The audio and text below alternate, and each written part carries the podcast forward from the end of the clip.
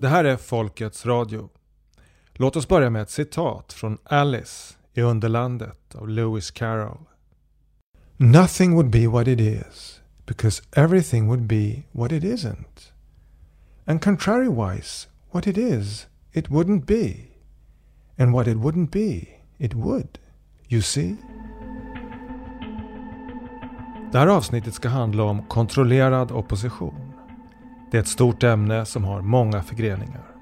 För att ett system ska lyckas så måste man ju på något sätt eh, tillåta någon form av eh, opposition i det. Va? Men, eh, men att man måste ju också se till att den är kontrollerad för att man ska kunna bibehålla sin makt i det. Med oss har vi författaren Jakob Nordangård som studerat det här i sin forskning. Vi ska prata om Qanon-rörelsen som blev till en hoppets religion för miljontals amerikaner. Trust the plan så kommer allt att ordna sig. Det finns goda krafter högt upp som har läget under kontroll.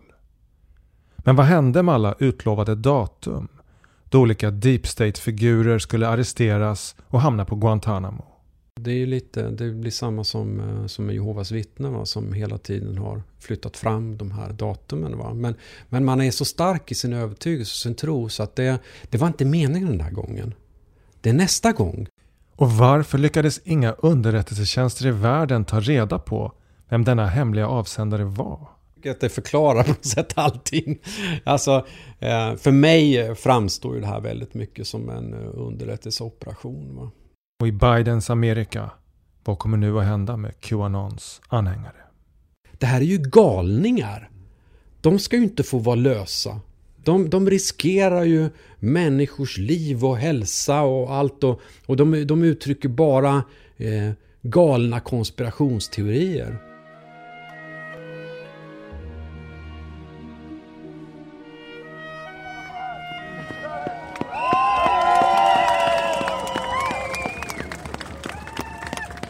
Och vi ska även prata lite om tusenmannamarschen i Stockholm förra helgen och den extrema svartmålningen i media. Bad luck eller by design.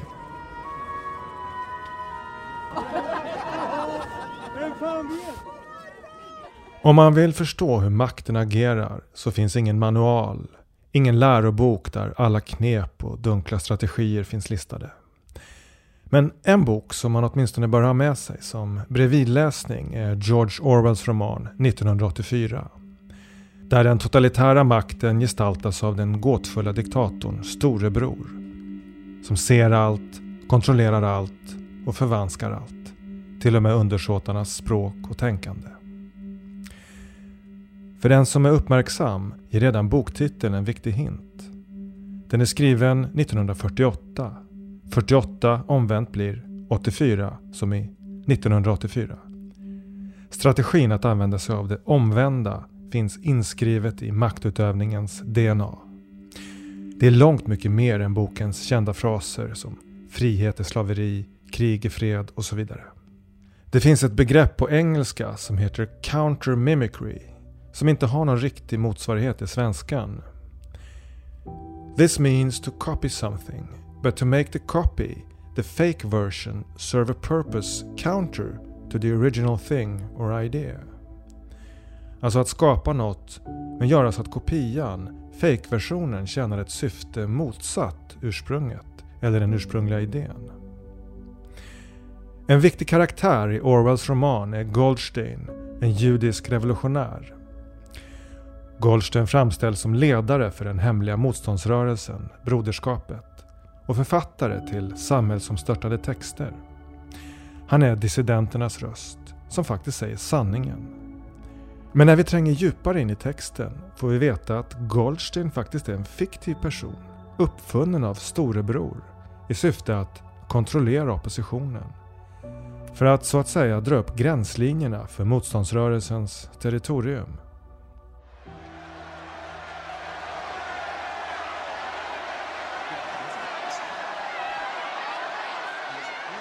Karaktären Goldstein är i boken kopplad till en daglig ritual som kallas två minuter av hat. Då folket och alla partifunktionärer får titta på Goldsteins förhatliga ansikte på en jättestor skärm och samtidigt får höra om alla hotfulla planer denne folkfiende och hans kumpaner har på att angripa och förstöra Oceanien, det fiktiva landet i romanen 1984.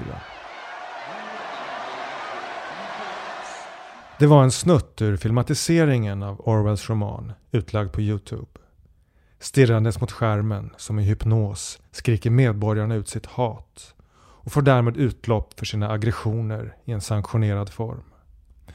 Och givetvis bär de på mycket ilska och frustration med tanke på att deras liv är totalkontrollerade och fattiga på meningsfullt innehåll. Hatritualen blir också den tillåtna formen av gemenskap i ett samhälle där folk alienerats från varandra och har väldigt lite mänsklig interaktion. Nyligen såg jag någon som hade en t-shirt där det stod “Please make 1984 fiction again”. Och visst är det kusligt hur pass väl den boken beskriver den tid vi lever i nu. Med ständig uppkoppling, censur, förvanskningar och filterbubblor av hat mot oliktänkande. Som substitut för riktig mänsklig sammanhållning. Förenklat kan man kanske säga att de som utövar den verkliga makten aldrig är särskilt många. Och att de därför måste söndra och härska, få den ena hälften av undersåtarna att hata den andra hälften. Titta på USA idag. Som ett typiskt exempel på kontrollerad opposition tar Jakob Nordangård upp den antikoloniala frihetsrörelsen i Kenya på 1950-talet. Så bildades det en, en frihetsrörelse som eh, Ehm, egentligen eh, arbetar enligt eh, ja, icke-våldsmetoder och eh, som väl hade ett stöd hos många. Men för att då svara på detta så startade den brittiska underrättelsetjänsten en organisation med exakt samma namn som började utföra terrordåd. Och då, eh, då fick ju då den här fredliga organisationen skulden för det här. Så man drog ner trovärdigheten och stödet för eh, den här organisationerna i vanliga människors ögon. Då.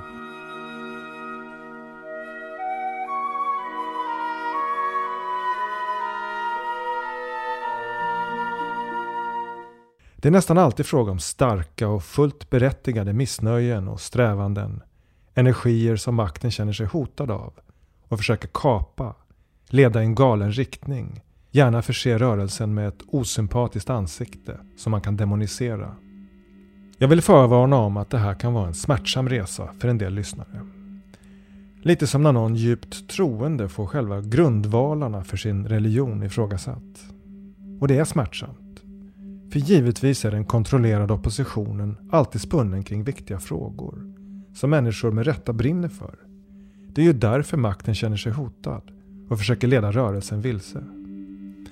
Och lögnerna och de falska löftena som aldrig infrias är alltid varvade med vissa sanningar. Annars skulle folk inte gå på bluffen. Det finns någon slags trovärdighet i en del i budskapet som gör att man dras till det. För att det, och det, det ger en rätt svar.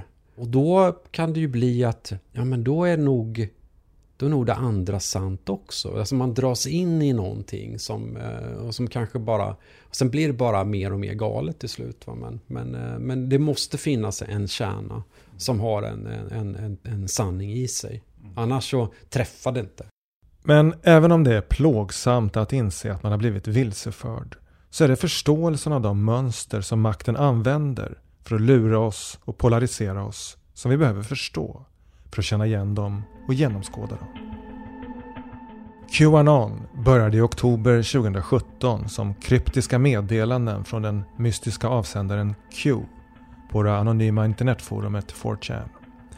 Q ansågs vara någon form av hög insider inom den nationella säkerhetsapparaten som kommunicerade genom frågor och gåtor och framförallt ledtrådar som anhängarna av Q, the Qanons, fick att jobba med.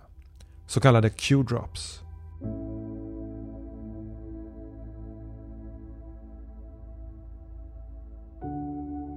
Förenklat var budskapet som Q förmedlade att en kabal av globala eliter, inklusive toppfigurer i Hollywood, Demokratiska partiet och underrättelsetjänsterna, är ansvariga för nästan allt ont i världen. Och nu kommer Trump att fixa allting. Med tusentals förseglade åtal som skickar sådana som Hillary Clinton och Barack Obama direkt till fånglägret i Guantanamo Bay. Det fanns en hel del korn av sanning, men i ett extremt uppskruvat tonläge. Som en kitschversion av en motståndsrörelse. En sekt med Trump i rollen som Messias. President Trump, these are some of your greatest faith leaders. They would love to pray over you. And uh, we love you. Will everybody just stretch our hands towards the president before so he gets up? send your power and your presence to touch this president. Show him who you are. Show him your love. God, I believe that you were you gave him to us and I believe that he's going to accomplish so much more. I know you have more. En som tidigt anade ugglor i mossen var den amerikanska professorn och författaren Joseph Farrell.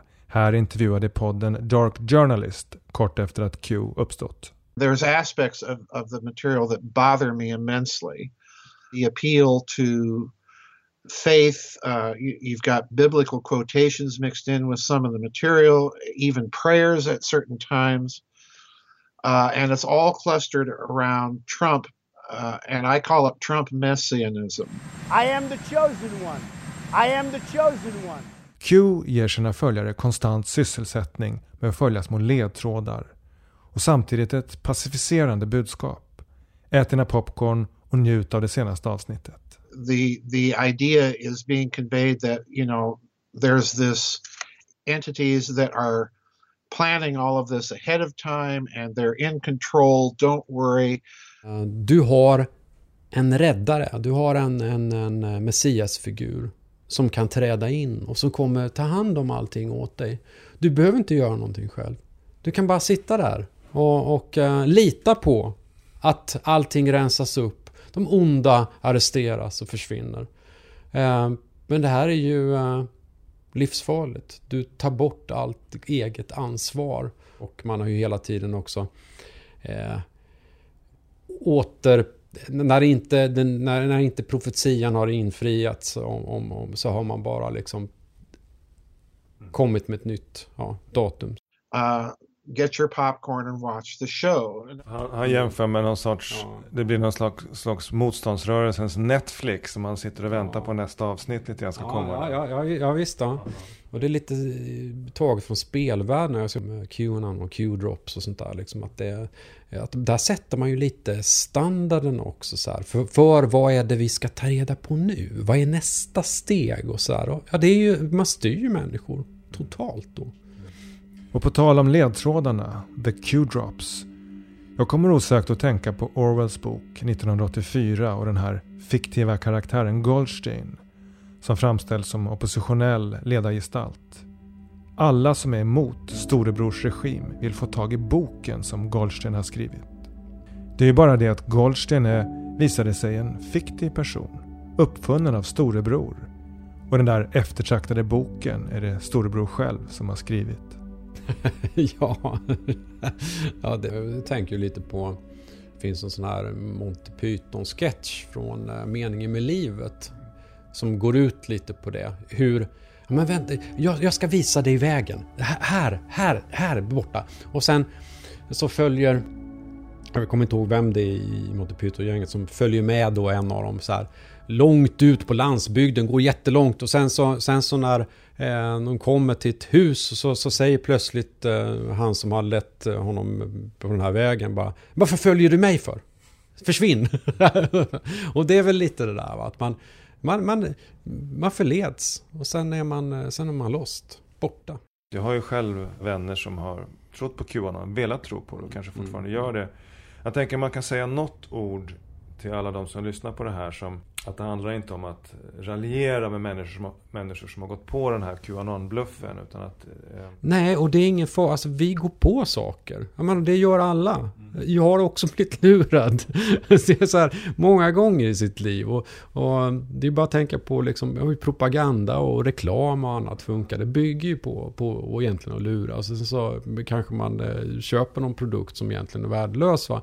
Eh, för det, vi blir blåsta. Va? Det, är, och det, det, det är väldigt skickliga manipulatörer och, och eh, propagandamakare som finns som vet hur, hur, man, hur man paketerar budskap. Så att det är ingen konstighet att man blir lurad. Men man kanske ska fundera, har man blivit lurad en gång kanske man ska försöka ta in det och lära sig av det. Qanon uppfyller alla centrala kriterier för en kontrollerad opposition. Den enorma desperationen och frustrationen hos svikna amerikaner som insett att systemet är riggat till deras nackdel fångas in i en kontrollerad rörelse som förses med ett galet sekteristiskt ansikte och en stor foliehatt. Qanon blir som en förgiftad korg där makten kan placera alla ämnen som man inte vill ha någon civiliserad debatt kring. Det är en klassisk strategi. Och det blir bara fler och fler sådana ämnen som läggs i den här korgen. När egentligen vi behöver alltid liksom en ja, intellektuell debatt. Vi behöver vetenskapligt sätta oss in i frågor. Och, och jag menar, vetenskap handlar om att ifrågasätta. Utan att bli kallad eh, foliehatt för det. Det blir fler och fler ämnen som stoppas in i den här sekteristiska korgen då. Mm. Det är väldigt mycket George Orwell över det 1984. Mm. Till slut finns det nästan ingenting kvar man kan prata om som ifrågasätter det officiella narrativet. Ja. Ja. Från etablissemangets håll har Qanon-rörelsen i allt hårdare ordalag fördömt som en galen och även farlig konspirationsteori. Som vi antar att Qanon är en psyop som skapat en sorts kontrollerad opposition. Vad har den åstadkommit? Förutom att splittra och polarisera det amerikanska folket. Fast forward till stormningen av Capitol Hill i Washington den 6 januari i år. Där Trump-anhängare protesterade mot att kongressen utsåg Biden till segrare i presidentvalet. Journalisten Max Blumenthal var där under kravallerna. Här intervjuad i Jimmy Dore Show beskriver han hur förbittrade amerikaner lurats i en fälla. They know the system is broken. They're angry. I was at the Capitol on January 6th. People were angry at the system, but they were being led into a political cul de sac by this demented conspiracy theory.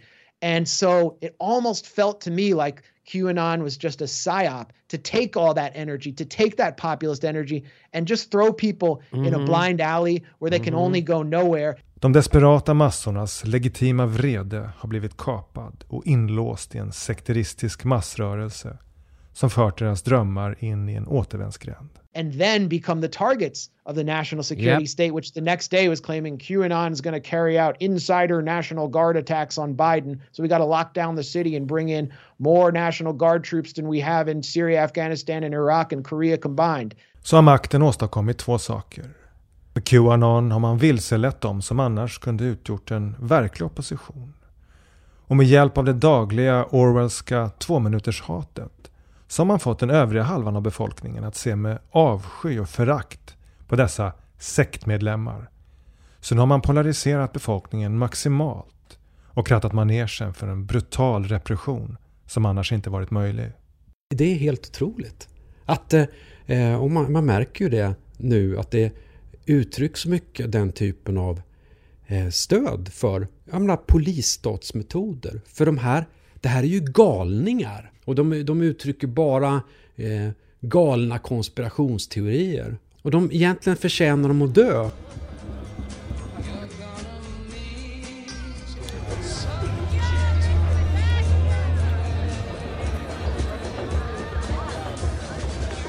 Flower Power-rörelsen, 60-talet, sexuell frigörelse, droger och rock'n'roll. Längre än så kan man väl inte komma från den djupa statens tentakler. Eller? Det har framkommit att CIA faktiskt spelade en avgörande roll i att introducera och popularisera psykedeliska droger i USA. Det kallades Projekt 58 och ingick i det hemligstämplade projektet MK Ultra. Men varför ville då CIA starta en pseudospirituell rörelse i USA? Kanske för att det blev en distraktion för många unga människor som drog till hippiekollektiv och tände på istället för att organisera sig i de radikala rörelser som försökte förändra och riva ner det auktoritära samhällets institutioner. Och på fredsrörelsen hade drogkulturen en inverkan som gjorde att den breda allmänheten fick svårt att identifiera sig med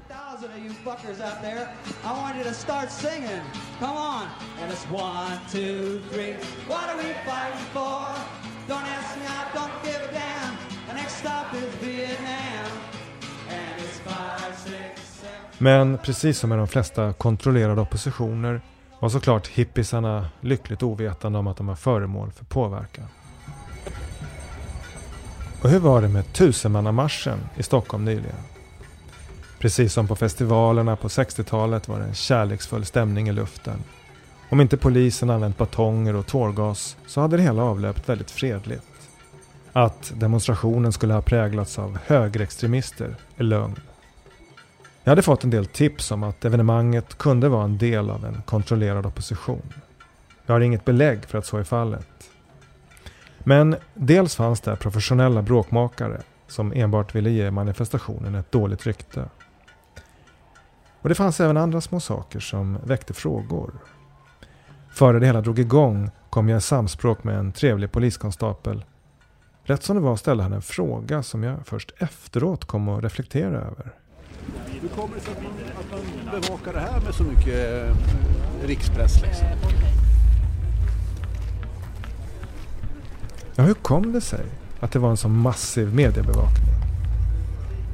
Många protester, mycket när det gäller gräsrotsrörelser, äkta gräsrotsrörelser, de har ofta väldigt, väldigt svårt att nå ut. Du får inte, media är inte där. De, de bryr sig inte om dig. Det är inte, de kan, man kan, kan stå gå omkring på stan och skramla burkar och vara tusen pers. Men du har liksom ingen som är där och dokumenterar det. Va? Ehm, så när det, när det verkligen är någonting som man bör fundera över, det är när det, när det blir det här otroliga fokuset. Och hur kommer det sig att polisen med en sån piketstyrka tillät arrangörerna att köra in med lastbil på Medborgarplatsen och ställa upp en scen med stora högtalare? En del har påtalat att om man till varje pris ville förhindra evenemanget så borde det ha varit en ganska enkel sak. Precis, jag förstår din fråga och, och det, var så, det var ju faktiskt att man hade ju uppmärksammat den här lastbilen då eh, som man visade då skulle bli en scen och hade gjort eh, försök att stoppa den och köra in på, på Medborgarplatsen. Mats Eriksson är presstalesperson vid Stockholmspolisen. Eh, och, eh, men de, tog någon bakväg som inte... Så att vi... Eh, de släppte in bakvägen på något sätt.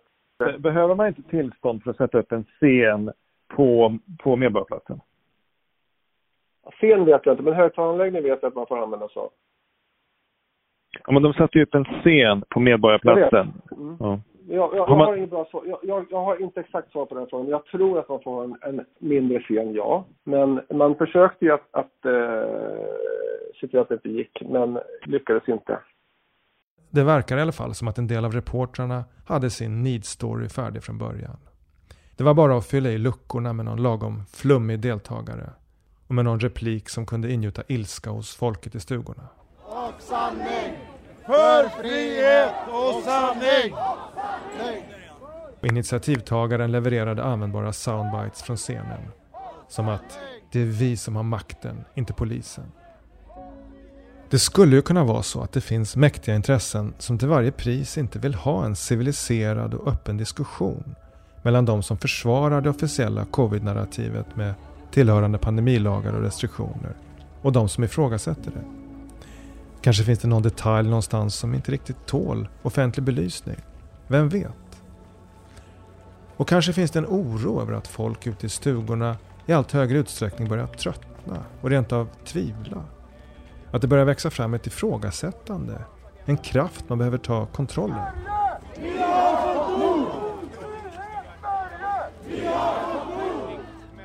Och att en metod att göra det är just en kontrollerad opposition. Ett evenemang där man genom att hårdvinkla visar upp någonting new age-flummigt och ansvarslöst, kanske rent av farligt. Och ställer den indirekta frågan till folket i stugorna. Vill ni sälla er till det här gänget? Vi får veta av Aftonbladet att de ledande profilerna bakom arrangemanget är analdoktorn, en idoldeltagare och en som kränger medicinskt vatten. Alltså jag, jag, tror att många blir ju jätteförbannade på de som är här. Det har vi sett på Marcus Oskarssons hemsida. Det är så mycket hat där så det finns inte. Poddmakaren Ulf Bejerstrand var en som tidigt såg dynamiken. Det är han den här eh, som har lite konstigt språk från Västervik som är kommentator i TV hela tiden. Ja, där är det liksom korsfäst de här snubbarna och blir någon sjuk så får de betala sjukvården själv och blir de sjukare ändå ta bort respiratorn från dem. Så det, nu har man lyckats polarisera upp oss totalt. De som vill öppna upp och de som tycker man ska korsfästa allihopa som vill öppna upp. Det är lite skrämmande faktiskt. De flesta medier följde storebrors manual alldeles ypperligt och den stora skärmen levererade sina två minuter av hat för att polarisera befolkningen. Flera av inslagen korsklippte läkare som beskrev hur covid-patienterna dör på sjukhusen med klungor av superspridare som tjoar på Medborgarplatsen. Hur reagerade du på gårdagens händelser?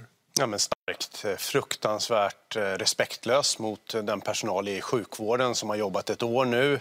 TV4s Bengt Magnusson lägger upp smashar till inrikesminister Mikael Damberg.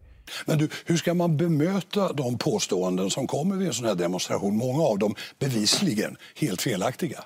Jag tror att det är svårt att övertyga dem som redan har bestämt sig för att vi lever i ett parallellt universum. Men däremot de människor som är oroade som kanske funderar på är det värt att ta vaccination eller inte. Har de frågor ska de få fakta svar på det. Till exempel sjukvårdspersonal som tar deras oro på allvar och visar att titta hur bra det verkar gå för de äldre i Sverige som nu börjar vaccineras. Det är tunga argument för att fler ska ta och vaccinera sig. Mm. Vilka tror du det var som låg bakom demonstrationen, som deltog i det? Ja, men jag tror att det är en blandning. Det brukar ju vara det. Men vi har sett uppgifter om att det är en blandning av väldigt motiverade, kanske högerextrema krafter, men sen också folk bara som, som tror på konspirationsteorier. So this is the this is the word we're going to be hearing again and again. We need to truly understand the intentions behind its deployment and why it is such a dangerous term. Enligt journalisten Max Blumenthal ska vi se upp särskilt med hur man använder begreppet konspirationsteoretiker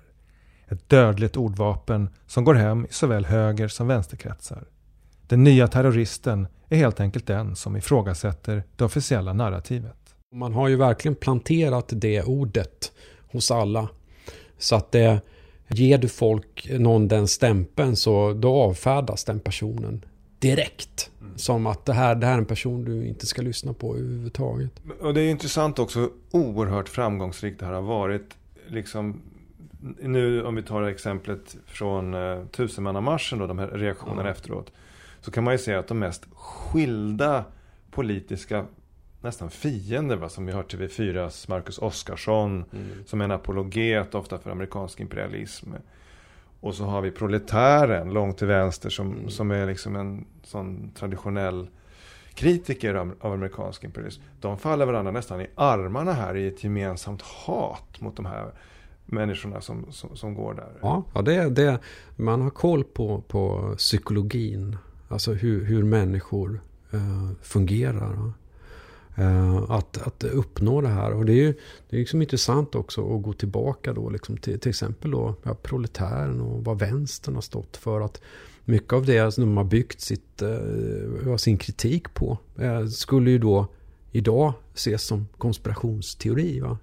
Eh, eh, de starka ekonomiska intressena inom kapitalismen och allt det här. Men det, det, alltså deras egen ideologi blir plötsligt då konspirationsteori. Om man då egentligen tittar på det. Va? Och det är, ju, det är ju häpnadsväckande att man har lyckats med det. Och på ganska kort tid.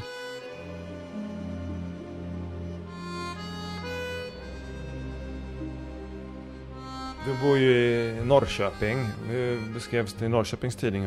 Hade du någon uppfattning om det? Ja, alltså ja, det var nästan lite chockerande sådär. Men jag har också satt det faktiskt skrevs som i Norrköpings tidningar. Fast det var ju liksom en händelse i Stockholm. Va? Och att det även här då, det var hundra kommentarer.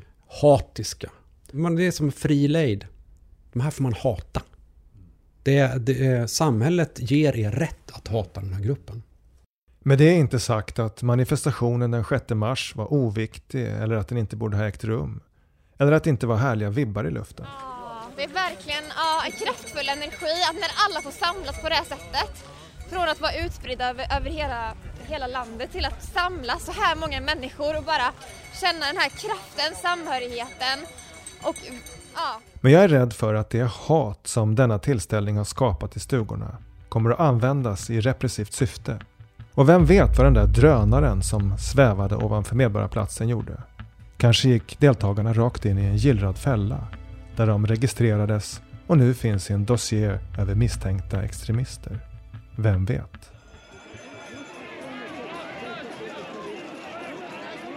Den stad i Europa där man kanske lyckats bäst med att genomföra storskaliga fredliga manifestationer är Österrikes huvudstad Wien. And and that's the beauty of what we what we have, for example, in Austria is we just have these walks. We go for walks. It's beautiful. Everyone loves a walk. And suddenly you've got a hundred thousand people in Vienna walking. Så här sa Steven Wybrow, en av aktivisterna, i en podcast nyligen. One of the main tenets of this system and also the reason why no movement has come to anything is the aspect of controlled opposition. It's massive. It's beyond anyone's comprehension in every country. Because obviously the elite knows that when they're doing what they're doing right now, taking all of our freedoms away, they are going to get opposition. Ska man vara lite försiktig? Nu, nu, nu flaggas det då för den 20 mars att det ska vara en sån global, alla länder ska gå ut och marschera. Mm. Så här. Vad, vad, är det ett varningens ord från honom här? Alltså man måste ju vara medveten om de här sakerna. Man måste vara medveten om att eh, ja, det är klart att det här datumet har ju myndigheterna koll på. De vet ju det här mycket väl. Och som han säger, det är ju, de vet ju att gör man en sån här sak så uppstår det opposition och det måste man vara förberedd på. Och man måste se till att kontrollera den på olika sätt. Vi vet dock inte på vilket sätt de kommer göra nu. Antingen så försöker man ju styra det i en riktning som, som eh, blir ofarlig för makten. Eller annars genom då skapa en, en händelse i det här som blir som, blir som Kapitolium. Så att det, alltså, vi, vi, vet ju inte, vi kan ju bara spekulera i det. Va?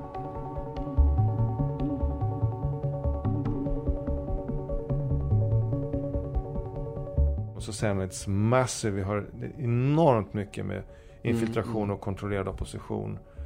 Uh, så förstår man någonstans vilket skede vi lever i. Uh,